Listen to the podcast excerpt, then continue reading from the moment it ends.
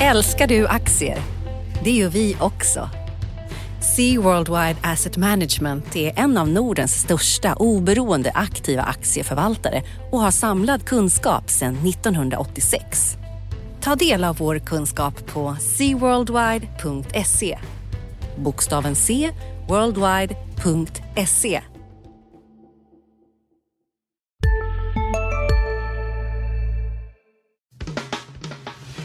Analyspodden från Dagens Industri. Hej och välkomna till Analyspodden. Vi som gör podden idag är jag, Johan Wendel, reporter och analytiker på Dagens Industri och med mig har jag Ulf Pettersson, också analytiker på Dagens Industri. Välkommen Uffe! Tack ska du ha Johan! Och eh, vi ska säga det att det är strax före lunch här på fredagen den 26 mars så att ni vet vad vi vet. Och eh, jag tänkte att idag ska vi prata om eh, bland annat Volvo, halvledarbristen, lite MTG och även slänga in lite spackar och börsnoteringar. Men det kommer lite senare i programmet. Jag tänkte vi skulle börja med veckans viktigaste makrohändelser.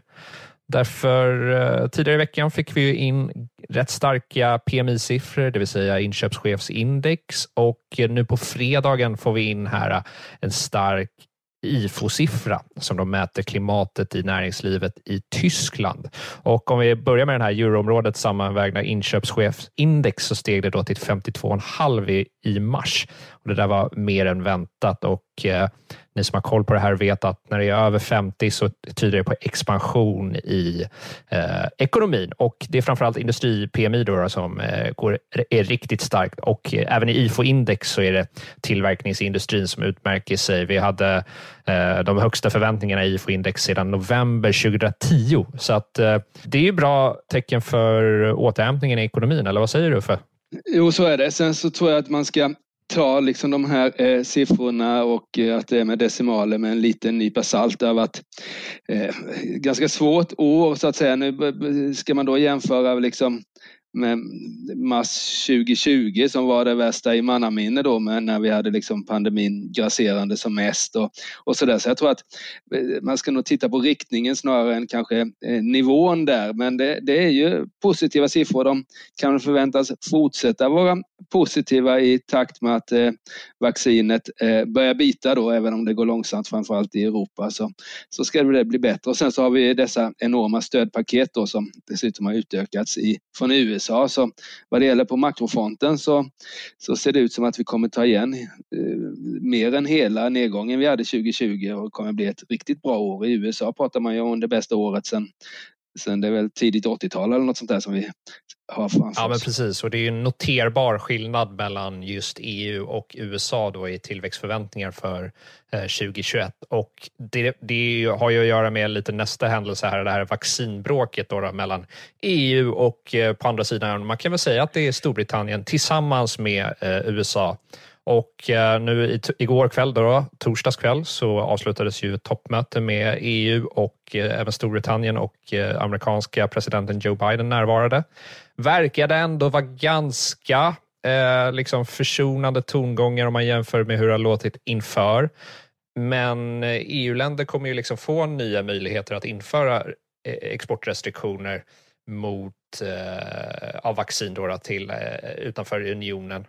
Och eh, som alla vet så ligger ju Europa långt efter när det gäller vaccineringen här och eh, uppenbara risken med sådana här eh, exportrestriktioner och det är ju att det eskalerar, att det blir ett handelskrig och att till slut vinner in ingen. För vi vet ju att i vår moderna värld så är de här eh, försörjningskedjorna, de är så komplexa och globala att alla kan ställa till det för alla lite och risken är ju då att det här äh, eskalerar. Men som jag tolkade ganska ändå försonade tongångar mellan EU och eh, till exempel Storbritannien som enades om ett gemensamt uttalande där de sa att ja, men nu ska vi försöka lösa det här. Eh, och sen ska man väl inte sticka under stolen med att eh, det framstår, EU har ju i vanlig ordning förlorat PR-kriget eftersom det framstår som att det är Eh, EU som är eh, liksom boven i dramat här, om vi får uttrycka oss så. Men faktum är ju att det är ju EU som exporterar vaccin medan USA till exempel har exportförbud på sina vaccin. Eh, Storbritannien har ju skrivit ett avtal med AstraZeneca som ger dem förtur framför, framför EU och då kan man säga att att det var ju smart av dem medan då EU har varit, vi får säga lite mer naiva och skrivit ett sämre kontrakt där man antog att ja, men om det går åt skogen så delar vi alla på bördan här. Och eh, mm. där var man ju naiva, den berömda sägningen. Så vi får väl se vad det här tar vägen, men det är ju av yttersta vikt för EU eh, att vaccineringen kommer igång för att vi ser ju vilket, vilken våt filt det är över återhämtningen i Europa, eller hur? Ja, och det är ju liksom, eh, vi har ju en tredje pandemivåg och går man till Sverige så, så säger ju eh, Eh, eh, läkarvetenskapen nu att den här, eh, det här som vi är inne i just nu är ju liksom problematiskt på riktigt för det är ju den brittiska varianten som verkar vara dessutom mer eh, smittsam än, än, än vår första, första version och andra versioner och sådär. Så, så det, det är klart att vi måste få till det där. Men hur, hur funkar det? Att det inte har funkat för EU eh, står väl klart då, men hur funkar det mellan länderna i EU? Är det, finns det någon osämja där så att säga eh, som du har sett att, att en del länder har kommit mycket längre med vaccinationen än vad andra har gjort eller får man sin beskärda del av, av vaccinet eller hur, ja, det, hur är det där ja, men Man fördelar ju de här doserna då pro rata. Eh, men viss, man har ju valt olika strategier i olika länder där eh, vissa valde att eh, ge ut alla doser de fick på en gång och inte spara någonting utan räkna med att eh, eh, det, vi får in de här doserna i ett senare skede. Och eh, man har också kanske valt olika strategier när det gäller den här eh, tiden då mellan dos 1 och dos 2. Det är ju en anledning till att till exempel Storbritannien, nu är Storbritannien inte i EU, men där har man ju till exempel valt att förlänga dosen mellan do, eller tiden mellan dos 1 och dos 2. Och då säger det sig självt, då har man mer dos 1 sprutor att ge ut till en större del av befolkningen. Och eh, där får vi se om eh, Sverige byter fot. För vi har ju varit väldigt sådär, ja, men, eh, om du får en spruta då ska vi ha en spruta som ligger i lager till dig och väntar på dig. Så att du får den då, efter 21 dagar, då, alltså till exempel som man ska få den om man får Biontech eller Pfizer-vaccinet. Då. Så att, eh, och där finns det lite utrymme att jobba. Sen har vi också den här problematiken med stoppet av AstraZeneca-vaccinet som eh, Sverige då, då hävde igår och man rekommenderade nu till 65-plussare. Det har varit lite knepigt det där eh, rapporteringen kring det eftersom det har ju stått eh, eh varit rapportering om blodproppar och det stämmer till viss del att det varit en, en sån grej man har oroat för. Nu konstaterade man ju förra veckan här, EMA då, Europeiska läkemedelsmyndigheten, att blodproppar i sig är inget liksom, problem. Eh, Framförallt eftersom vaccinet har skyddat mot covid som ökar risken för sådana blodproppar. Det man är orolig för, det är liksom en sällsynt liksom, koagulationsrubbningar Alltså det är en kombination av blödningar och proppar som framförallt är koncentrerade till hjärnan och det är det man är orolig för nu och där har man inte riktigt kunnat liksom reda ut kopplingen, om det finns en koppling mellan vaccin och eh, eh de här incidenterna som man ser. Just det. Där kommer man ju fortsätta titta, men det man har sett är att det kanske är mer i yngre och det är därför man rekommenderar det här till äldre. Och äldre har ju en annan riskbild när det gäller covid-19. Liksom, så att Just det. Och det är ju tvärtom för du kan ju det här med vaccin mycket, mycket bättre än mig för du har följt det här. Eh, du har varit vår man i vaccinvärlden kan man väl säga. Men var det inte tvärtom så jag kommer ihåg det att AstraZeneca först fick först en restriktion att man inte skulle ta det som äldre och nu är det bara äldre som ska ta det. Eller? Ja, men precis. Det, det, är, det är inte lätt att hänga med liksom. Eh, jag förstår det. Det, liksom, det, blev, det blev ett helt, helt tvärtom liksom. Ytterst märkligt. Ja. Nästan så att man börjar bli lite ska vi säga, skeptisk till eh, vetenskapen. Ja, eh, sen jag tycker, att, eh, jag tycker att man ska ge Folkhälsomyndigheten här en eloge för jag tycker de har gjort helt rätt i den här eh, frågan. Det är en unpopular opinion, eh, men jag tycker att de har landat helt rätt. Och anledningen till att man stoppade det, alltså många som varit kritiska till att man stoppar vaccineringen är så här att ja, men om vi stoppar vaccineringen då blir så här många smittade och då dör x personer, vilket är helt sant. Men om man tänker ett så worst case scenario, om nu den här sällsynta biverkningen som man är lite orolig för, om det har ett samband med vaccinet liksom, i ett worst case scenario och man ändå hade kört på, vad händer med liksom, vaccinviljan i stort? Vad händer med vaccin bortom covid? Liksom? Det är sådana mm. avvägningar och det är ändå värt att poängtera att det var faktiskt experterna i till exempel Sverige och Tyskland som tryckte på, på pausknappen. Och jag tycker att de ska ha en eloge för att de är transparenta. Men jag, jag förstår liksom gemene man, det är inte så lätt att hänga med i alla turer. Ska vi prata om något eh, som inte är, är, lätt att följa med i alla turer men ändå lite börsen och det har ju varit AstraZeneca har vi pratat mycket om men det har ju varit andra bolag som har så att säga varit mer i fokus egentligen i veckan här. Du skrev ju exempelvis om, om MTG och Nent idag, Johan. Ja, men precis. Uh, MTG här i veckan gjorde ju ett uh, förvärv av Ninja Kiwi som har ju såna här uh, Tower Defense-spel som man kallar det då, och det är en genre där man placerar ut specifikt då Ninja Kiwi, då är, deras kändaste spel är Blues Tower Defense och vad, det helt enkelt går ut på att det kommer ut ballonger på en bana och så ska man sätta ut eh, olika torn och apor och allt vad det är och så ska de skjuta pilar på de här ballongerna innan de kommer igenom hela banan. Väldigt mm. förenklat nu då. Och det där spelet är ett kvalitetsspel som MTG får in här och, det, och jag tycker att det var ett spännande förvärv. Inte överdrivet dyrt heller, eh, faktiskt. Och eh, så får man ju in en ägare här eh, i riskkapitalbolag, eh, ska man säga, som är backat av Comcast som är en stor amerikansk mediejätte med eh, över 2000 miljarder kronor i börsvärde. Eh, så att jag tycker att det ser lite spännande ut i MTG, för vi måste ju ändå vara ärliga med att säga att sen de knoppades av, eller man knoppade av Nent då, då som är det gamla MTG om man får säga så, med tv-kanalerna, radiokanalerna och Viaplay, så har ju MTG då, som har spel och e-sport, de har ju inte gått så bra på börsen och det är speciellt illa när liksom allt som har att göra med data och mobilspel älskas ju av investerare på börsen och i ett sånt läge så har det inte gått så bra för MTG så att där måste man vara självkritisk. Men nu tycker jag att det ser lite intressant ut. Jag vet inte om du håller med? Eh, jo, men det gör jag. Den har ju inte alls hängt med i rallyt. Eh, eh, det som vi, så att säga, innan, nu har de ju börjat göra investeringar i, i, i spelsektorn. Det som, det som var så att säga Eh, grejen med MTGX som det hette då, eller ja, MTG nu då, det var ju e-sportsdelen egentligen. Och den förstår man att den har varit jobbig här under corona när vi har haft stängt och inte kunnat ha några, någon publik alls egentligen. Och så där, de bör ju kunna bli en, en corona återhämtningsvinnare egentligen på, på den bogen. Och tar vi speldelen som du kan berätta Johan så, så eh, har det visat sig i alla fall ur ett aktiemarknadsperspektiv att, att förvärv det är väldigt eh, framgångsrikt om man vill ha en hög kursvärdering. Och då, då är det bra att MTG börjar på med det. Och de har ju fortfarande en hel del eh, ammunition kvar. Eh, de gjorde en nyemission här då, eller en riktad nyemission i veckan som finansierade egentligen hela eller till och med lite mer än, än det här nyzeeländska förvärvet. Eh, men de gjorde ju även en nyemission eh, tidigare år på ett par miljarder så de har ju pengar till att köpa mer om de skulle vilja och det kan man väl utgå ifrån att de vill också. Ja, så det, det blir lite spännande att följa dem faktiskt. Och sen kan vi mm. bara nämna det, det är ändå värt att notera att uh, Nent uh, som på förhand liksom när de skulle knoppas av, de hade stämpeln som ett litet utdöende tråkigt bolag sådär. Han har ganska låg värdering också, värderades runt P13 liksom på innevarande året. Då. De har ju haft en enorm utveckling och mycket har ju att göra med att de har fått en dyrare prislapp. Eh, de har ju ett P tal över 40 nu och eh, investerarna älskar ju Viaplay och alla satsningar som de gör där. De har liksom en liten nordisk Netflix-stämpel om vi får säga så. Så att mm. Eh, de är, det är inte lika solklart köpläge i dem längre.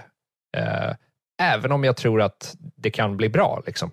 Men man ska mm. vara medveten om att det, bågen är lite mer spänd, absolut. Uh... Ja, det är den. Eh, det är den. Dels värderingsmässigt och sen är det ju faktiskt, de har ju väldigt höga ambitioner om att gå utanför Norden. Eh, och det där är ju spännande men oprövad mark för dem och kanske inte så lätt som man kan tro. Så jag håller med dig att, att just i detta läge så känns väl då kanske MTG om man var tvungen att välja en av de där aktierna lite mer eh, prisvärd än, än Nent. Ja, men eh, ska vi, ska vi gå över till ett eh, lite större bolag och då tänker jag på kanske Sveriges största bolag, det vill säga AB Volvo här. Kom ju med en eh, liten vinstvarning får vi väl kalla det eller i alla fall en eh, varning till marknaden här om att halvledarbrist påverkar dem negativt och slår mot produktionen. Och eh, de är inte de första i fordonsbranschen som varnar för, för det här. Men ändå så var marknaden lite förvånad och handlade ner Volvo rätt rejält här i början av veckan. Vad, vad säger du om det här Volvos varning och halvledarbristen? Då, då? Nej, men Volvo har varit ute ett tag med det. Dels i, i bokslutet eh, i februari, men även innan dess har de pratat om att halvledarbristen skulle kunna ge effekter eh, och har stängt produktionen. Men nu, nu blev det väl liksom, ska vi säga, nu blev väl marknaden, eh, fick väl upp ögonen genom den här pressreleasen och, och, och vinstvarning, även om den inte var särskilt siffersatt den där vinstvarningen så, så, eh, så eh, tror jag att det blev en ögonöppnare som gjorde att den faktiskt var ner 7 Volvo. Det, det var inte så att den drog ner alla andra verkstadsbolag lika mycket utan det var framförallt Volvo som, som rasade på riktigt där. Eh, och det blir ju det kommer ju bli en väldigt stor fråga, eh, kanske den största frågan eh, inför Q2. Då. De är inte så långt bort nu. Det är mindre än en månad innan vi får veta hur det verkligen har gått under första kvartalet och man kan väl tänka sig att att eh, eh, de här logistikflödena kommer stöka till det en hel del. Eh, det blev ju faktiskt inte så farligt som befarat. För ett år sedan så var vi också, när pandemin kom, om man, eh, när, den, när den så att säga Eh, när den började påverka finansmarknaden, det är precis ett år sedan nu eller lite drygt, det var i slutet av februari. Då var, det, då var de första frågeställningarna var just hur blir det med logistiken nu och sådär. Sen så glömdes det, det bort när liksom antalet döda exploderade. Vi stängde liksom alla samhällena. Då var liksom inte logistiken i sig en fråga och det visade sig att vi ändå vi fick ju mat på bordet. Det var, folk var lite rädda för toalettpappersbristen där. Vi är specialister på det vi gör, precis som du. Därför försäkrar vi på Swedea bara småföretag, som ditt. För oss är små företag alltid större än stora och vår företagsförsäkring anpassar sig helt efter firmans förutsättningar. Gå in på swedea.se företag och jämför själv. Sista dagarna nu på vårens stora season sale. Passa på att göra sommarfint hemma, både inne och ute och fynda till fantastiska priser. Måndagen den 6 maj avslutar vi med Kvällsöppet i 21. Välkommen till Mio. Men, men det, jag tror att alla fick, fick toalettpapper som de behövde.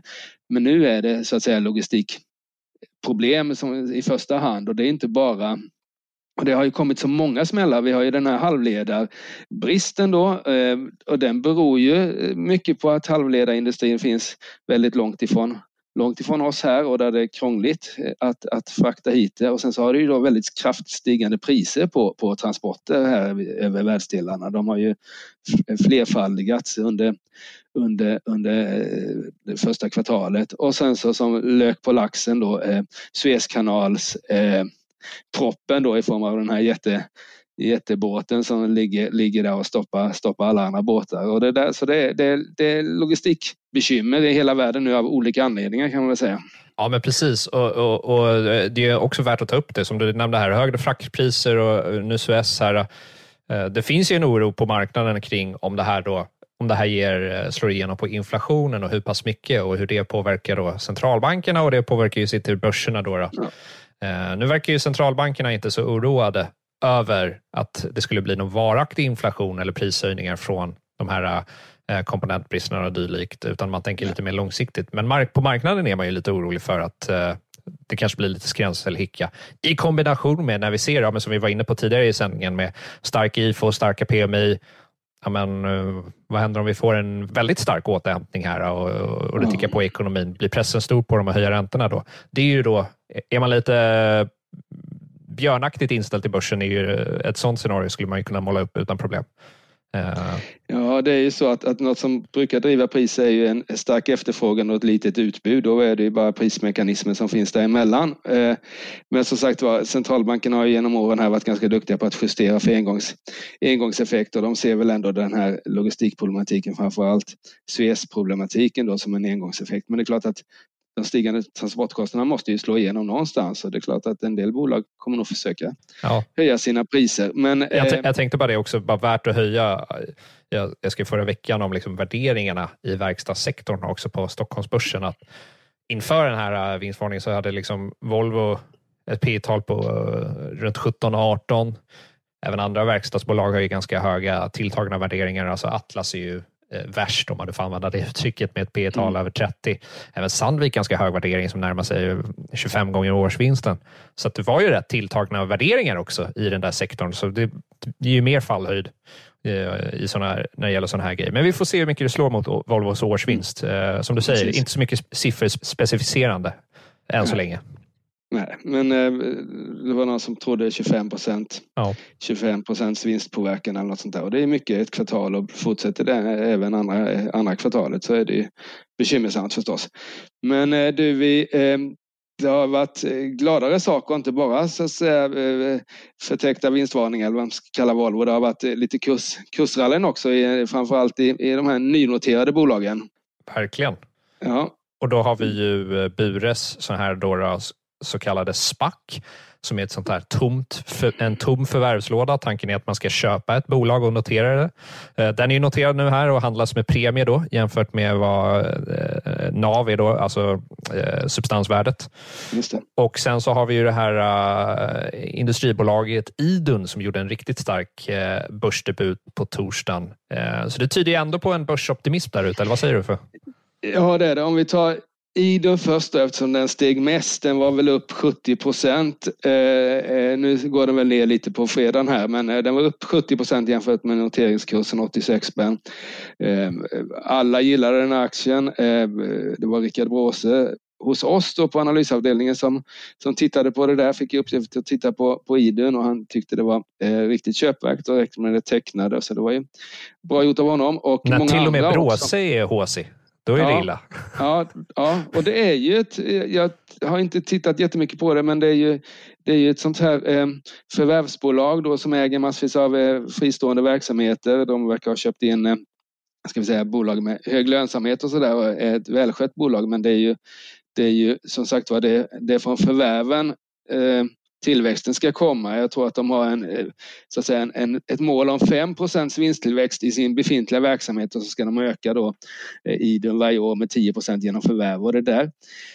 Det är ju och det är inte bara Idun utan vi har Lagerkrans och Indutrade och vi har Lifco och vi har eh, mängder av bolag utanför börsen som, som har till affärsidé numera att köpa upp köpa upp bolag till kanske eh, 7-8 gånger vinsten och sen så placera in det på börsen och då kan man få 20-25 gånger vinsten. Så det är ju ett, ett multipelarbitrage det handlar om här framför allt. Och det, eh, alltså, så enkelt borde det inte vara att tjäna pengar som det, som det tycks vara nu. Bara man liksom, så någonstans så borde ju priserna på de onoterade verkligen dra iväg här. Men, och de har, de har ökat men inte alls tillnärmelsevis så mycket som värderingen på förvärvs, de förvärvande bolagen har gjort. Eh, men det har visat sig och jag har eh, satt sälj på Indutrade för en, en hel del år sedan då jag tyckte att P talet var lite högt men den har ju fortsatt stiga eftersom eh, tillväxten är så hög i dessa bolag som köper bolag. Och jag tror, eh, om man ska göra någon spaning, så tror jag att det här kommer ju fortplanta sig till, till ska vi säga, alla de vanliga börsbolagen som gör förvärv lite då och då. Men när de ser hur, hur kursutvecklingen så tror jag att det finns många styrelser där ute som, som trycker på sina vd nu att eh, förvärva, att öka tillväxten och det spelar ingen roll om den är förvärvad eller, eller organisk snarare och det är mycket enklare att förvärva. Det är bara så att säga att komma överens eh, om en köpeskilling. Eh, så jag tror att den här förvärvsvågen som vi ser kan fortplanta sig även till andra bolag som inte gör, brukar göra så mycket förvärv. Ja, och det funkar tills det inte funkar längre eh, kan man väl säga. Ja, det eh. funkar tills det inte funkar. Och, eh, men det är inte något som inte vi ser så mycket av det är de här jättestora förvärven eh, utan det är, det är småförvärv och de är ju enklare och det, man, det är inte ofta att man, man integrerar inte särskilt hårt. Det är då det brukar liksom bli stökigt utan man bara lägger dem liksom som en, som en eh, box, eh, box i organisationsmatrisen och så får det leva som det har gjort förut. Och det, ja, som sagt var, Indutrade är väl riktkaren här genom sina, sin förvärvsstrategi senaste decennierna. Ja, vi får se var, eh, var det tar vägen där. Eh.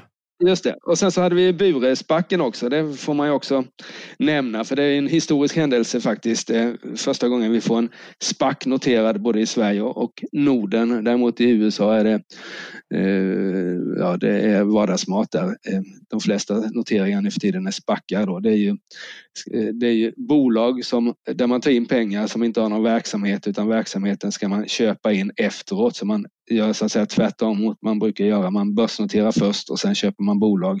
Normalt sett så brukar man ju köpa bolag och sen så sätter man det på börsen. Här är det tvärtom. Eh, och jag tror det där är, kan bli det, kanske, det blir nog inte lika stort som i USA men det kommer nog bli en svensk variant på Spacka som kommer vara väldigt, eh, eller åtminstone ganska frekvent och jag tror att det är mycket av investmentbolagen som kommer utnyttja det här. Investmentbolag har traditionellt sett värderats med rabatt och då har de inte kunnat göra någon nyemission. Men nu har de då hittat ett sätt att ta in nya pengar här genom att notera spackar. Så jag tror att Bure var först ut. Jag kan tänka mig att Investor kommer göra sånt där. Kinnevik kommer säkert också göra sånt där. Eh, Creades, Sven Hagström sa ju redan eh, i tidningen i veckan att han funderade på det. Så det är väl egentligen alla investmentbolag utan möjligtvis Industrivärden som känns, ska vi säga, lite mer traditionellt som inte kommer börja göra spackar. Ja, de, kommer, de gör ju inte ens några förvärv. Så att, uh... Nej, jag tror, inte, jag tror faktiskt inte fortfarande att de inte har gjort något förvärv eh, sen eh, när Stjernholm blev VD. Ja, vi, vi får se vad det tar vägen. Vi får, måste ju nämna också här Rutger Arnhult eh, som gick segrande i striden ur, eh, om Castellum då, i veckan här, eller igår eh, Eh, och är nu vald till ordförande i Castellum och anledningen till att det har varit en kontrovers är ju att han äger drygt en fjärdedel av aktierna i Castellum eh, men eh, samtidigt så, samtidigt så är han ju också storägare i både Corem och Klöven.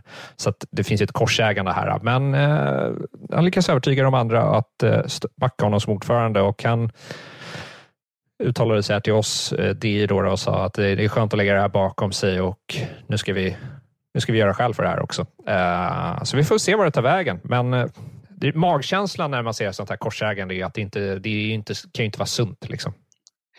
Nej, vi såg en hel del sånt i fastighetssektorn på 80-talet. Då fanns det en del finansbolag inblandat också och det där blev ju inte bra och det blev väldigt stökigt att reda ut. Vi ser ett ökat korsägande, och olika typer av eh, sfärer kan man väl säga eh, denna gången också eh, i denna heta sektor.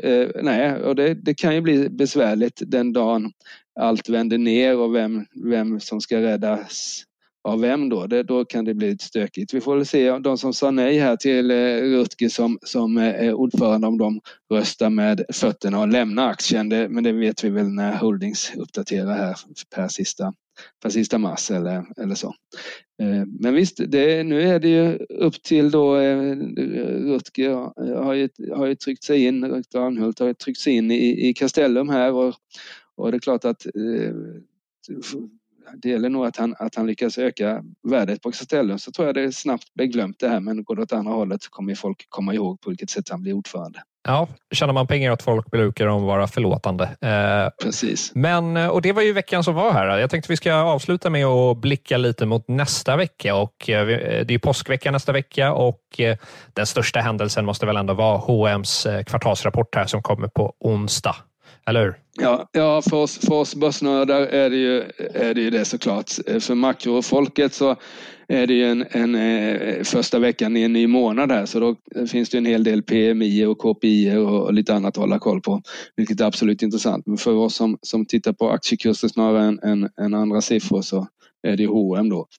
Och de är ju det är ju fortfarande eh, eh, mycket stängda butiker. Antalet stängda butiker har till och med ökat för H&M sista tiden här. Eh, så det där kommer ju, eh, man förväntar sig inte, eh, ja, det är klart att omsättningen är väl högre i, i, i, nu än vad den var i mars förra, förra året för då var ju allt stängt men, men det är ändå liksom en, en 21 procentig försäljningsnedgång de redovisade här och det, då får vi se hur, hur mycket det har påverkat resultatet. Det är klart att resultatet kommer att påverkas när, när en femtedel av försäljningen har försvunnit.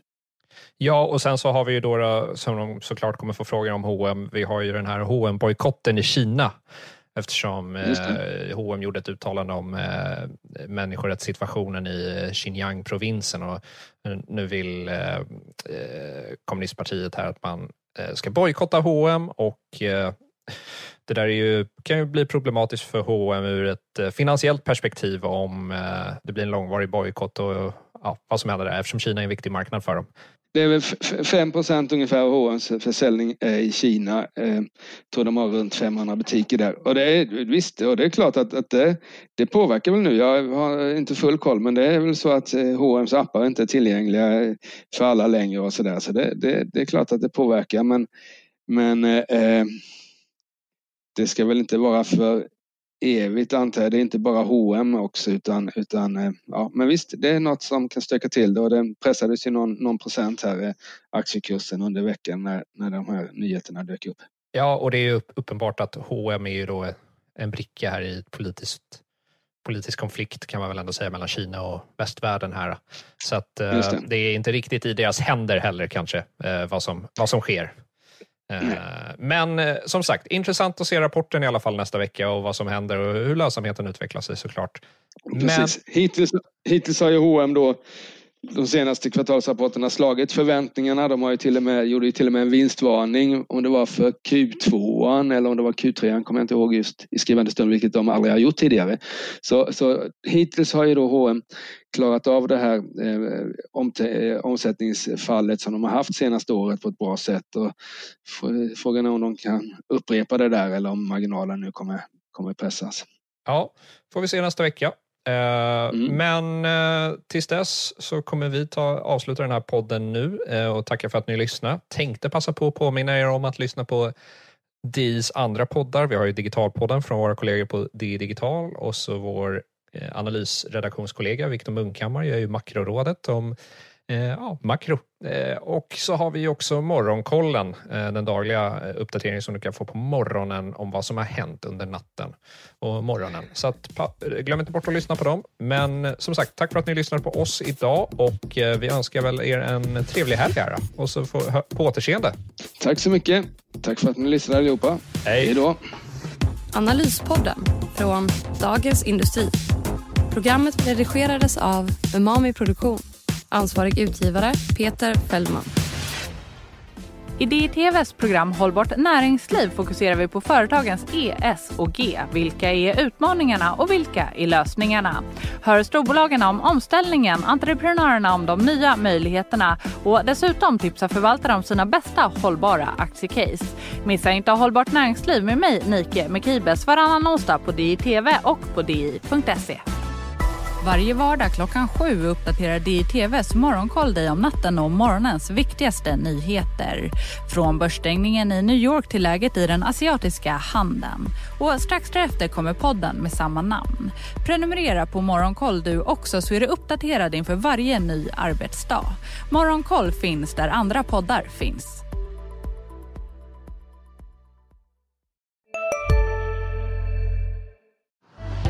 Älskar du aktier? Det gör vi också. Sea Worldwide Asset Management är en av Nordens största oberoende aktiva aktieförvaltare och har samlad kunskap sedan 1986. Ta del av vår kunskap på seaworldwide.se. Bokstaven C, worldwide.se